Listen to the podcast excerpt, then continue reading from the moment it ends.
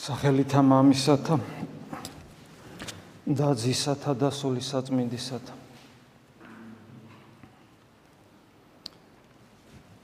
ბევრი აღარ დარჩავნები შვიდეულამდე შესაბამისად აღდგომის დღესასწაულამდე.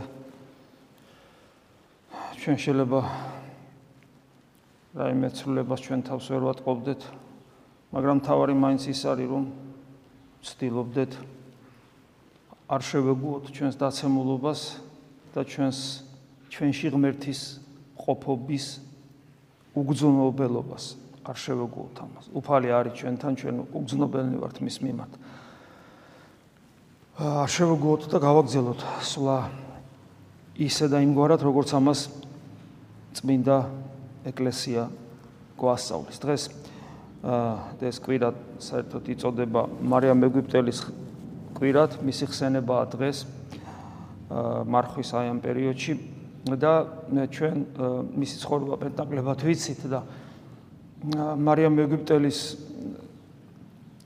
განსაკუთრებულად წარმოჩენა ეკლესიის მიერ როგორც დიდი წმინდანისა და დიდ მარხვაში სპეციალურად ხსენება მისი ეს ნიშნავს იმას რომ თავარი არის არა ჩვენი ცოდვები რასაც ჩავდივართ არამედ ის სულის მდუღარება და სიყვარული ქრისტესი რომელიც რომლის მაგალითათაც მარიამ ეგვიპტელს წარმოგვიჩენს, როგორი სიყვარულის მაგალითათაც მარიამ ეგვიპტელის სიყვარულს წარმოგვიჩენს. უფალი ყველა ცოდვას პატიებს ადამიანს, როდესაც მას აქვს მისწრაფება ღვთისაკენ და სულის დუღარება და გულმხრვალება. ეს არის ძალიან მნიშვნელოვანი. დღევანდელი სახარება ძალიან საინტერესოა ძალიან საინტერესოა. აი მე რამდენიმე მოხს წაგიკითხავთ და ნახავთ, ეს არის მარკოს სახარების მეათე თავი.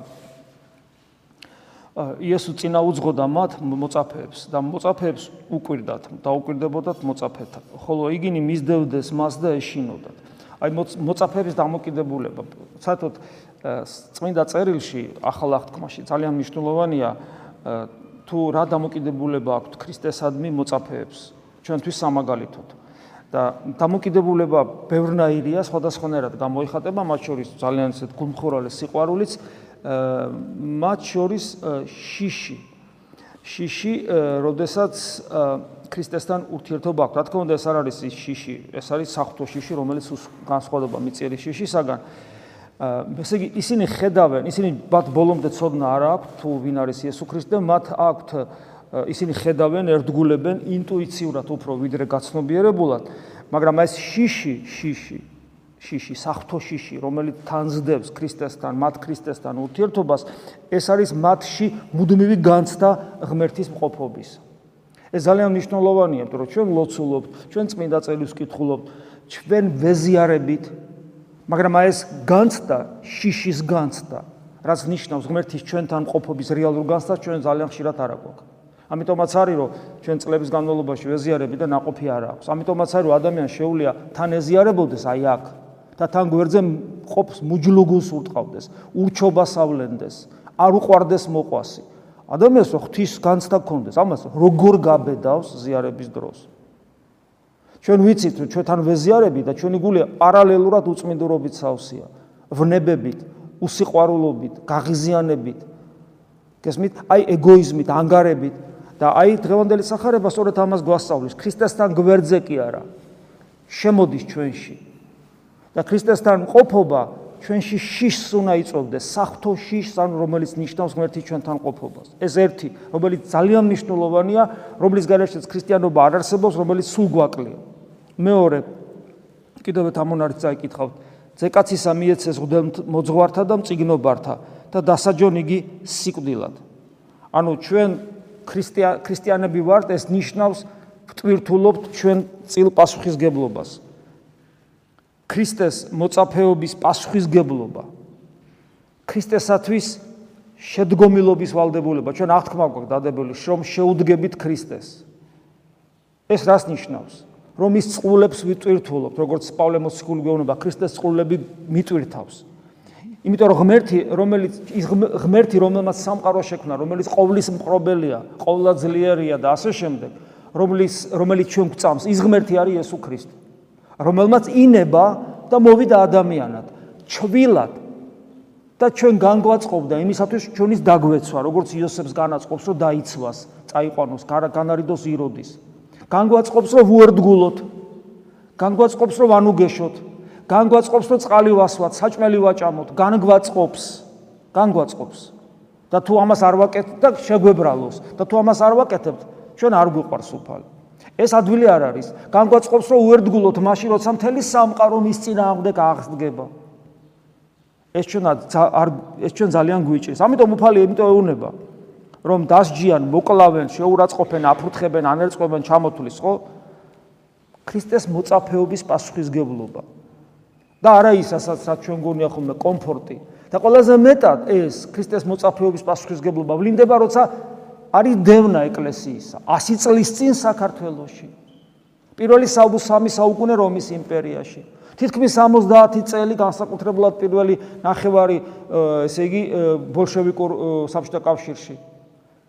დღევანდელ თქვა აფრიკის კონტინენტზე, სირიაში და ასე შემდეგ.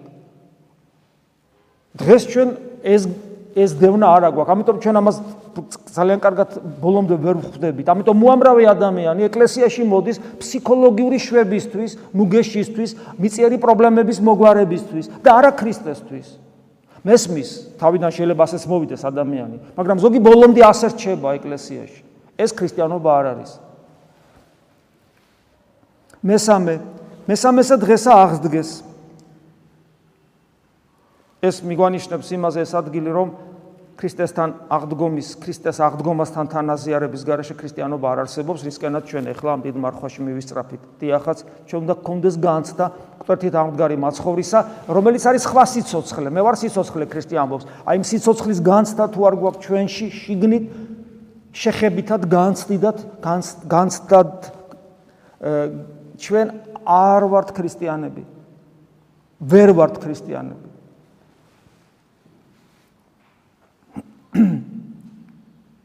და იმისათვის რომ ეს ღირებულებები ჩვენში გაცოცხლდეს, რა არის ჩვენი საკეთებელი? კლავ იგივე სახარება, რომელიც დღეს აღმოვიკითხეთ. კიდევ ამონარიც ამოგიკითხავთ. მოგვეჩვენ რათა ერთი მარჯვენით შენსა და ერთი მარცხენით შენსა დავსხდეთ დიდებასა შენსა. ნახეთ, გახსოვთ ივანე და იაკობი. ქრისტე ჯვარცმაზე ლაპარაკება და შენ რო პატივში იქნები, შენ მარჯვენა და მარცხნივ დაგვისვიო, რომ ჩვენს პატივში ვიყო. პატიმოყარეობის უკურნებელ სენთან მუდმივი ბრძოლა. ჩვენ მუდამ უნდა ვებრძოდეთ პატიმოყარეობის უკურნებელ ის არ იკურნება. სანამ პირში სული გვიდგას ჩვენ პატიმოყარეები ვჩებით. ამ პატიმ ამ სენს უნდა ბოლომდე ვებრძოდეთ დაუღლელად. ბუხ ჩაუხრელი შრომა საჭირო რომ ჩვენ ამ სენს არ შევეგუოთ. მას ვერ დავამარცხებთ ვერასოდეს. მაგრამ ჩვენ მასთან ბრძოლა მუდმივად გვიწევთ. აგერ მოციქულებს თან ვის? იოანეს და იაკობს ჭირს. ეს. იმიტომ წერია сахарებაში თუ მათ ჭირს ჩვენც გჭირს აუცილებლად გჭირს ყოველთვის გჭირს შემდეგი ამონარიდი. დაждომა მარჯვენი ჩემსა და მარცხენით არ არის ჩემ და მიცემათ არამედ ვიეთთა გამზადებულ არს. კი შეიძლება მოიდომოთ და იღვაწოთ და ისასმესი შესვათ. ანუ ჩემ ჩემი ერთგულების გამო იტანჯოთ კიდევაც მაგრამ ვინ დაждდება მარჯვნიდან მარცხნივ არ არის ჩემდა მოცემად ეს დახლობით იმას გავს რომ მეორედ მოსვლის ჟამი როზე კაცის ამ არიცის და სინამდვილეში რომ იცის და პედაგოგური მოსაზრებით რომ ეუნება რომ არიცის აქაც იგივე ეუნება. იმიტომ რომ რა თქმა უნდა როგორც ღმერთის როგორც მას მას როგორც ღმერთს ყოველივე ხელთ უპყრია. მაგრამ ამ შემთხვევაში პედაგოგური მოსაზრებით ეუნება რომ ჩემდა მიცემად არ არის გამზადებულას. გამზადებულ არს რას ნიშნავს. ღვთის განგებულებით ღმერთმა ყველაფერი იცის. რატო? იმიტომ რომ ღმერთში არ არის ხვალე. მაგრამ მეორე მხრივ ეს ნიშნავს იმას რომ მართალია მე მზაობა მაქვს რომ უფალს ბოლომდე უერთგულო და მოუკვდე კიდევაც ქრისტესათვის რაც მზაობა მზაობაც ქონათ იოანეს და იაკობს. და ორივემ დაამტკიცა სხვათა შორის გუმხრვალება აი ხუხილის ზეებს რატო უწოდებს მათ უფალი? თუ გუმხრვალენი არიან ორივემ დაამტკიცა. ეს. მაგრამ თავის ხოვრებაში მაგრამ არ უნდა დაგვავიწყდეს. უფალი მათ ეუნება რა რომ მარჯვნივ მარცხნივ დაждდომა აი ესე ჩემგან არ განგეცხადებათ არ უნდა დაგვავიწყდეს რომ არ უნდა დავივიწყოთ მიუხედავად ჩვენი მზაობისა რომ ქრისტეს ბოლომდე უერთგულოთ არ უნდა დაგვავიწყდეს საფრთხო სამართლიანობა და მის წინაშე პასუხ ამ სამართლიანობის საფრთხო სამართლიანობის წინაშე პასუხისგებლობის განცდა არ უნდა დაგვაუწყდეს დაგვავიწყდეს მარადიული ხვედრის დაფარულობა და შესაბამისი შიში არასოდეს არ უნდა დავკარგოთ. ანუ ეს ნიშნავს იმას, რომ როგორი მზაობას არ უნდა მქონდეს მე თავგანწირვისა ერთგულებისა. არ უნდა დამავიწყდეს, რომ საფრთხო სამართალი იმდენად დიდი მწვერვალია, რომლის მიწვომა მე არა მაგ მე სულ მგონია, შეიძლება მეგონოს უბრალოდ რომ მე მართალი ვარ. იმიტომ რომ ზათ ვარ მოუკვდე უფლისათვის, მაგრამ პავლე მოციქული უნდა გამახსენდეს. რომს მოუკვდე ქრისტესათვის, რომს მოუკვდე. თუ სიყვარული არ ამობს, რა უცნაური რამეა. უკვდები და ამაზე მეტი სიყვარული რა გინდა. მაგრამ პავლე დაჟინებით იმეორებს 2000 წელია უკვე. პავლე სიტყვებს ეკლესია. რომს მოუკვდე მოწამეობრივი სიკვდილით, თუ სიყვარული არ ამაქვს, ეს არაფერს არ ნიშნავს. რა არის ეს სიყვარული?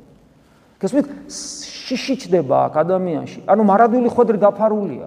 მე მზათავარ მოუკვდე შენთვის, მაგრამ უფალი არ მეუნება პასუხს. საფრთხო სამართლიანობა. მარადიოს მარადისობის მარადული ხვედრის დაფარულობა, პასუხისგებლობა ამ ყველაფრის წინაშე და შიში შესაბამისი. ვერასოდეს ვერ მოდუნდება ქრისტიანი და ვერ იწვის, რომ ხო, ეს ყველაფერი გავაკეთე და ახლა უკვე ცხონებული ვარ. ამიტომ შემიძლია უგულარხენად ვიყო. ეს კომფორტი, სანამ ხორჩი ვართ არ გვექნება. არასოდეს. სულ ყოველთვის ღვაწში უნდა ვიყო. და კიდევ ერთი მუხლი, რომელსაც უნდა დიდყოფა თქვენ შორის, იყო თქვენ და მსახური. ანუ ახლა ზეცის მოქალაქეობა როგორია? ჩვენ სულ გვაქვს ეს მიწიერი, მიწიერი ხედვა, რომ ესე იგი უფროსი თუ ვარ, უფროსი ვარ და მსახური თუ ვარ, მსახური ვარ და ეს უფალი გეუბნება არა, უფროსი თუ ხარ, მსახური უნდა იყო. თუ დგინდა დიდი იყო, მონა უნდა იყო. ესე იგი ზეცის მოქალაქეობის ყოფიერება და ყოფნა განსხვავებულია მიწიერი ყოფიერებისაგან. სახარებაში ამის უამრავი მაგალითია. ის წინამოსამზადებელი იგავები სულ ამაზია. სულ უძღებიშვილის იგავი და მეზვერისა და ზაქეს შესახებ და ასე შემდეგ სულ და ის მეზვერისა და ფარისევლის შესახებ უბრალოდ და შემდეგ სულ ყველაფერი ამაზე.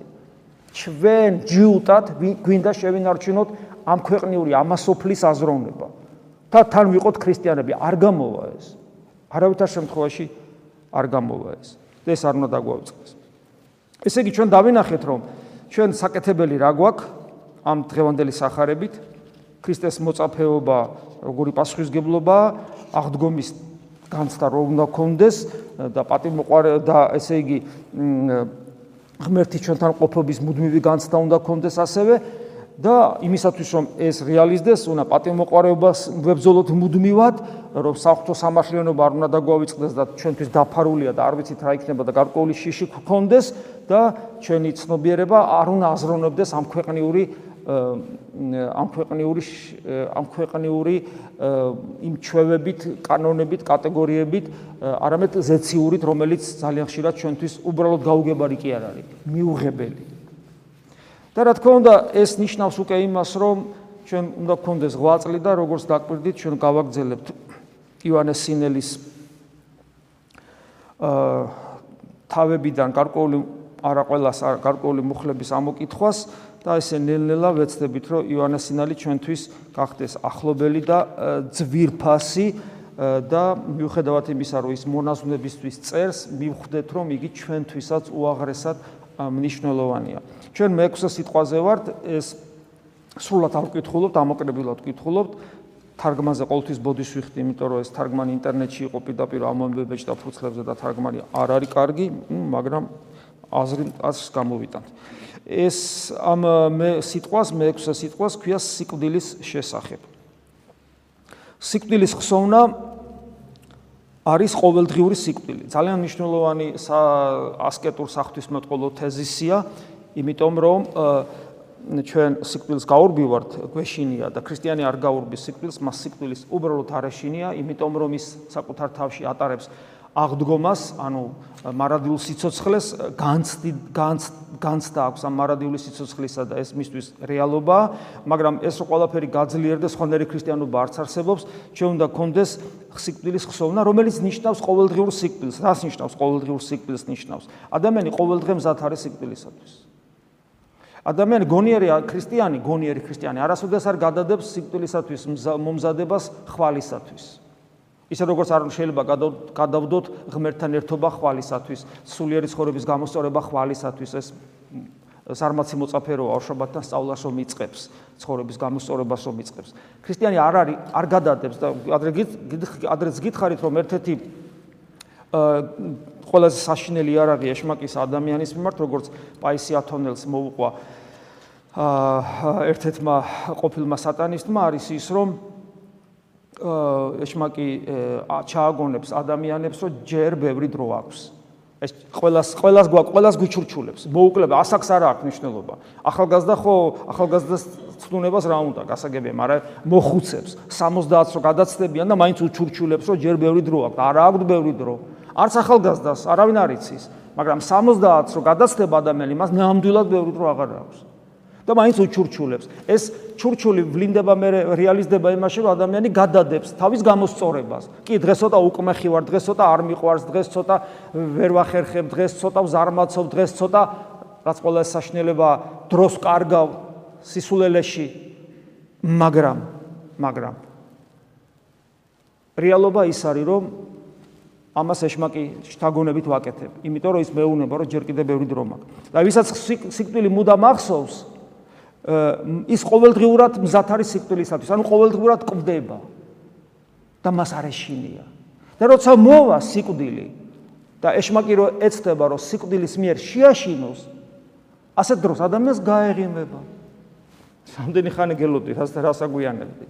შეუძლებელი იქნება ასეთი ადამიანის შეშინება. შეუძლებელი. სიკვდილის შიში ადამიანური ბუნების თვისებაა. რომელიც ურჩობიდან გამომდინარეობს.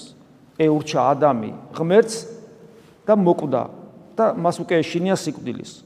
ხოლო და ეს ბუნებაა ჩვენი, ეს თანდაყოლილია. ეს იმდენად ცოდვა არ არის. ხოლო სიკვდილის ხსენებაზე თრთოლვა და კანკალი, როცა ადამიანი წოლაში ვარდება და მე მინახავს ესეთი ადამიანი, მომაკვდავი და ეს ერთი განსაკუთრებულად მახსენდება, მაგრამ სამწუხაროდ ბევრს ჭირს ესე, როცა ადამიანი სულიერად არ ცხოვრობს სიკვდილის წინ, მას აქვს ისეთი პანიკური შიში აქვს, რომ კომუნიკაციაში ვეღარ შეხვ. ვერც კი დაელაპარაკები, რომ ანუ გეშო რაღაცა აუხსნა, რაღაცა უთხრა, ახსარებამდე, ზიარებამდე მიყვანო, შეუძლებელი ხდება. იმდენად საშინელი შიში იპყრობს ადამიანს. ეს ხდება ხოლმე ეს. აი ამას ამბობს ზუსტად, რომ სიკვდილის ხსენებაზე თრთოლვა და კანკალი მოუნანიებელი ცოდვების შედეგია. ეს ნიშნავს იმას, რომ რომ უფრო გასაგებად ვთქვა, ადამიან ადამიანისათვის ადამიანმა დაუხურა გული ღმერთს. ცოდვა ხო ეს არის ღმერთის საგან აცდენა. მან ისე იცხოვრა, რომ ღმერთი მის ცხოვრებაში არ არსებობს. აი ეს ძალიან მნიშვნელოვანია. და გარეგანი რელიგიურობა არ შველის ამ პრობლემას. შეიძლება ადამიანი გარეგუნდა რელიგიურად რელიგიურად ცხოვრობდეს, მაგრამ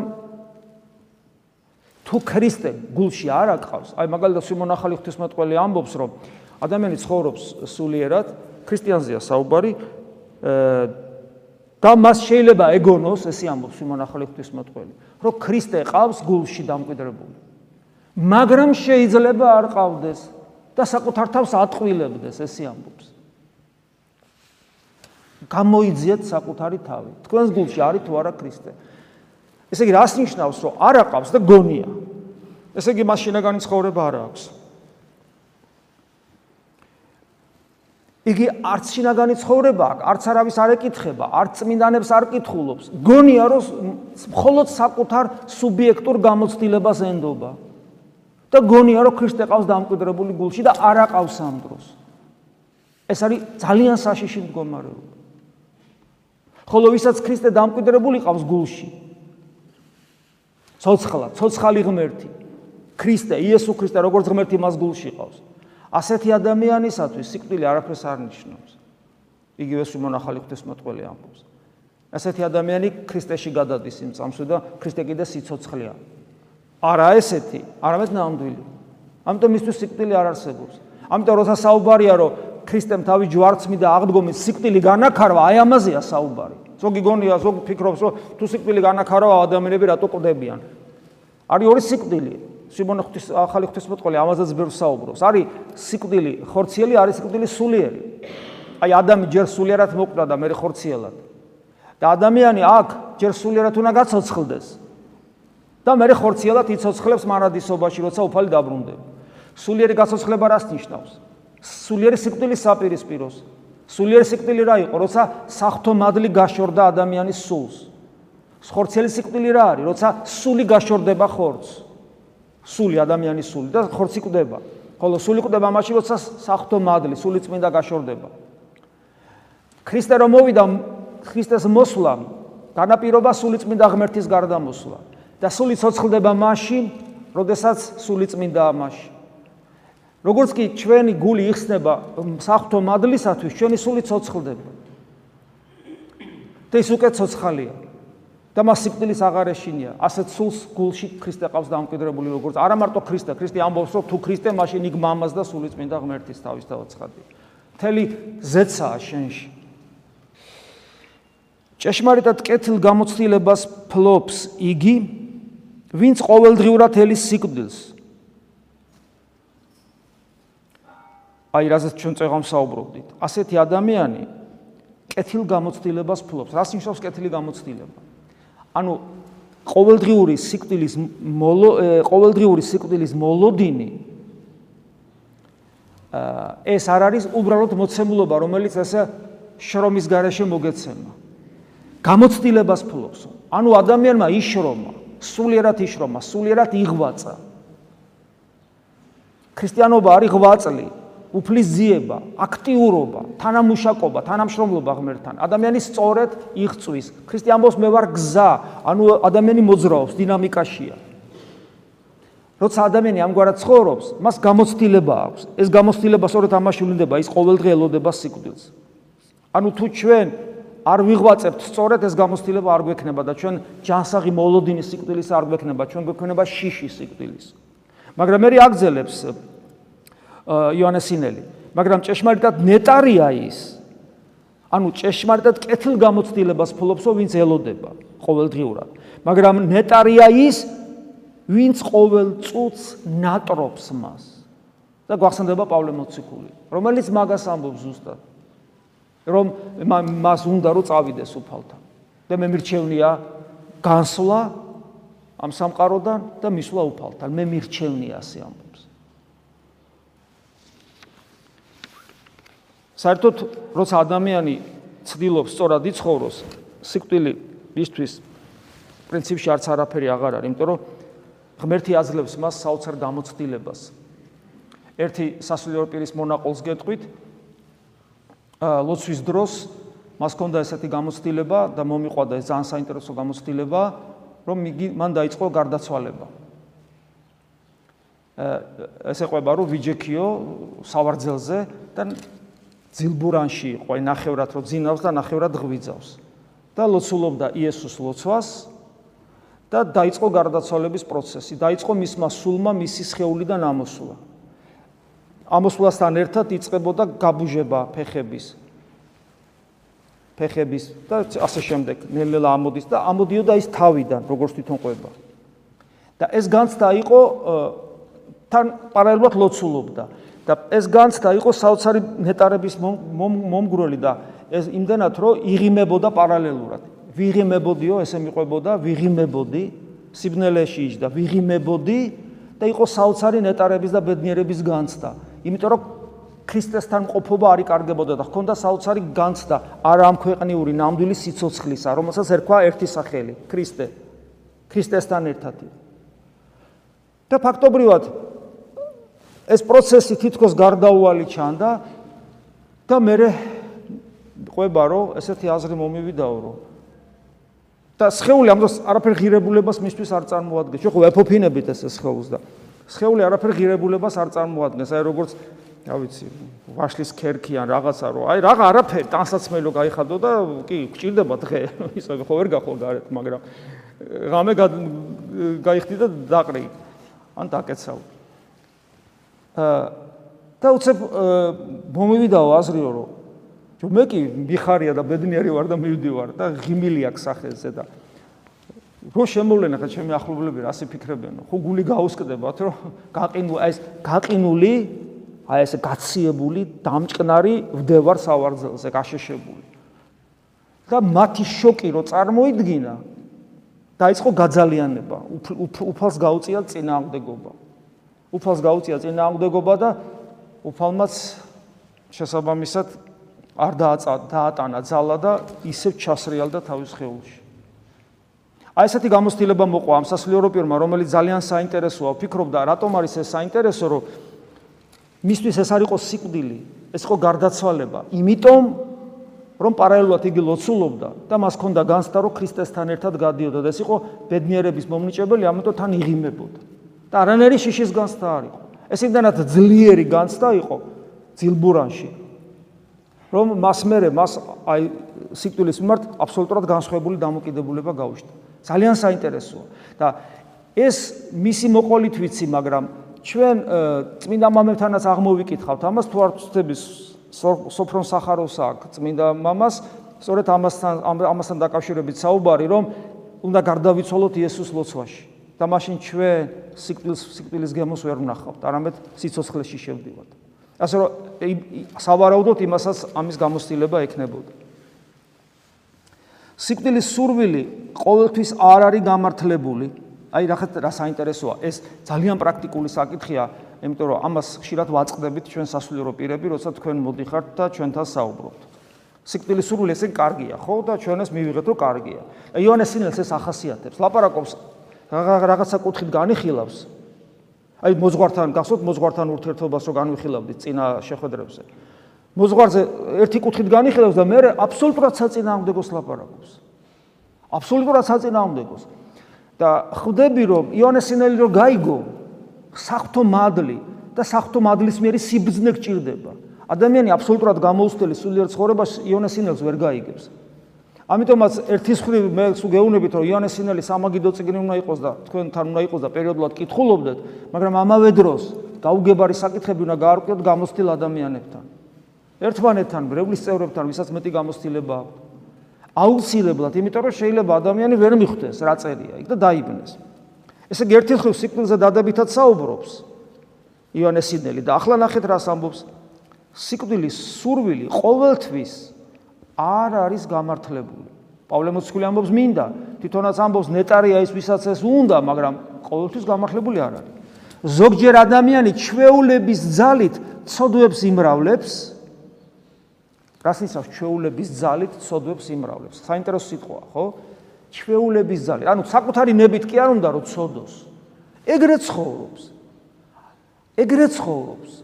ანუ როგორ როგორ ცხოვრებასაც მიჩვეულია, ეგრე ცხოვრობს. აი ჩვენ ვარ ჯულზე უმტკიცესია, ხო გაგიგიათ? ანუ ადამიანი ადამიანს არ აქვს თვითკონტროლი, თვითკრიტიკა, ადამიანს არ აქვს მღვიძარებისა და სიფხიზლის სათნოება, ადამიანი არ აკონტროლებს მოკლედ საკუთარ გულს. ქრისტიანულად ცხოვრობს, აღსარებელი, მაზიარებელი, ლოცულობს, ყველაფერს აკეთებს, მაგრამ თვითკონტროლი არ აქვს. და შესაბამისად, რა ჩვევებიც აქვს, იმ ჩვევებით ცხოვრობს.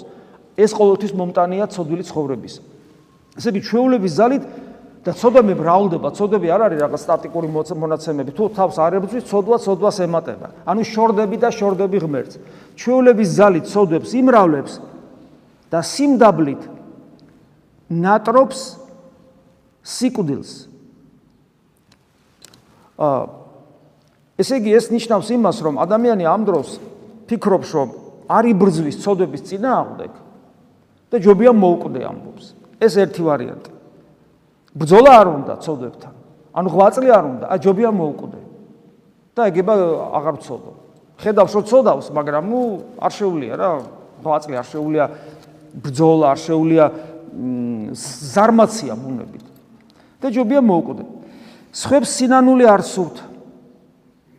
და სასოწარკვეთილებისაგან სიკვდილს უხმობენ. სინანული სინანული ხო თეორია არ არის, სინანული ასევე ღვაწლია. და ვეღარერება, ასეთი ადამიანების გვინახია. რომ აი არა არ გამომდის არაფერი, არ გამომდის რა და იტყვიან ხოლმე. აი აი ხო მოუკვდები და რომ მოუკვდები აღარ წოდავ რა. ეს არის სასწარკვეთილების მდგომარეობა. ასეთი სიკვდილის სურვილი ცუდია.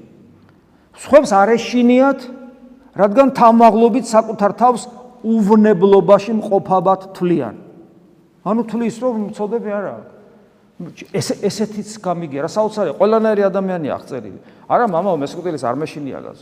აი უფალი წარმოყვანს და ბედნიერი ვიქნები. ამ დროს ესე იგი შუბზე აწერია მე ვარ ამაყი, მაგრამ მაინც ესე ფიქრობს. არიან ისეთებიც თუ კი ასეთი ჩვენს დროში მოიპოვება. მე ამას ამბობს იონეს სინელი როდის საუკუნების იქით. რომლებიც სულიწმინდის შთაგონებით აქედან გასვლას ნატრობენ. აი ესეთი მდგომარეობა არის ღირებული. ოღონ რომელიც სულიწმინდით არის, რომელსაც გულში ქრისტე ყავს დამკვიდრებული. ანუ სხვადასხვა და უბრალოდ ხილათ ვიყოთ, რომ შემთხვევით ისეთი სიკვდილი არ გვინოდეს, რომელიც ან პატიმოყარობით, ან სასოწარკვეთილებით, ან ესე იგი სინანულის არქონით, ან ესე იგი ღვაწლის არ სურვილით იყვებება. ან კიდე განსასწელების, აი ხშირად არის ხოლმე რომ განსასწელია ისეთი, რომ დაიღალე, დაიღალე, დაიღალე და აუ მოკვდე და დავისვენო რა. რა როგორ გონია, როგორ დაისვენო? როგორ უნდა დაისვენო, როცა ვნებებით ახსავს ხარ. შენ ხო ქრისტეს ვერ იხილავ და მაშინ რა რჩება? აბსოლუტურ სიბნელეში გადიხარ. სიმონ ახალი ღვთისმოწყალე ერთ ადგილას ამბობს რომ აი ჩვენ ამ ლამას ცოდვილი ვარ, მაგრამ ამ ლამას სამყაროს ხვედავ და ტკბები მეტაკლებად. ბოლო-ბოლო ვარსკვლავებიან ცალს რო ახედავ, თბილისში სადნახავ, მაგრამ რო ახედავ, უკვე ესეც კი რაღაც განსაკუთრებულ მდგომარეობაში გამყოფებს. რომ მოკვდები, ყველაფერი ჩაქრება შენთვის. ეს ყველაფერი გათვლილია, რასაც ჩვენ მშვენიერებას ხედავთ ხორციელ თვალე, ხორციელი თვალებისთვის. ჩვენ რომ მოკვდებით ხორციელი თვალები სად იქნება? საფლავში დარჩება. და შენთვის ეს ამას მნიშვნელობა აღარ ექნება. არაფერს, არაფერს. არც მზეს, არც ვარსკვლავებს, არც ჩიტების ჭიქჭიქს, არც ყვავილების შვენიერებას, არაფერს, არც ადამიანთა ურთიერთობებს, არაფერს. სხვა სიცოცხლე კიდე შენ არიცი. აქედან იწყება ჯოჯოხეთი. ასე რომ დასვენება არ იქნება. განსასწრელი მეერე დაიწყება. რა განსასწრელი? მარტომყოფობის აბსოლუტურად მარტომყოფობის განსასწრელი დაიწყება. ამიტომ ესე ადვილად, ესე გულარხენად უუყურებ ჩვენ გარდაცვალებას. როგორც ერთმა თქვა, სრულიად შეუძლებელია საქმე, რომ კაცმა თუნდაც ერთი დღე განლოს ღვთისნიერად. თუ იგი არ ფიქრობს, რომ ეს მისი ცხოვრების უკანასკნელი დღეა. აი სიკვდილის ხსოვნის ერთ-ერთი უძვირფასესი ناყოფი, როცა ყოველ დღე სიკვდილზე ფიქრობ, მაშინ ცოდვა, ცოდვას აკავებ, მინიმუმ აკავებ და ებრძვი კიდევაც. მაგრამ თუ ყოველ დღე ასე არ ფიქრობ, რომ ეს შენი ცხოვრების ბოლო დღეა, როგორც ერთმა თქვა, ასე ამბობს იოანეს სინელი, შეუძლებელიაო, რომ ერთი დღე მაინც იცხოვრო ღვთისნიერად. თუ არ ფიქრობ, რომ ის დღე უკანასკნელი.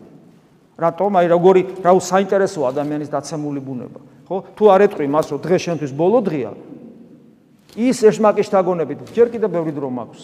ეხლა ჩვენი დროა. და შესაბამისად, ეხლა ჩვენი დროა, ეს ნიშნავს იმას, რომ ის დაცემული ბუნება არ ხეინობს და დროს კარგავს. დროის დაკარგვა არის ერთ-ერთი ყველაზე საშინელი, რაც ჩვენ გვჭირს. მე ჩემი თავიდან გამომდინარე ვიცი, შეიძლება თქვენ არ ჭირთ, მაგრამ მე მე ეს ჩემთვის არის ყველაზე საშინელი. აი დროს ატომღაც კარგავ, ატომღაც. შემეწიო სუფალი რომ ეს ეს პრობლემა მომიგვაროს მე თუნდ ეს ისეთი საშინელი რამა რომ ვერც კი ვერც კი ერევი ამას. ბზოლასაც წესიერად ვერ უწებ იმდენად იმდენად საშინელი რამა არის დროის დაკარგვა. და ჩვენ დასაკარგავი დრო არ აგვაქვს. ჩვენ ბედნიერება უნდა სხვანაირად ვეძებოთ. სხვანაირად. და არა იმაში რაშიც დროს კარგავთ ხოლმე. ყველამ თავისი იცის. შეგვეციო სუფალი რომ სწორად ხედავდეთ ჩვენ საკეთებელს ჩვენს მიზანს უფრო სწორად და ამ მიზნის მისაღწევად ჩვენ საკეთებელსაც ორივე სჭირდება დანახვა.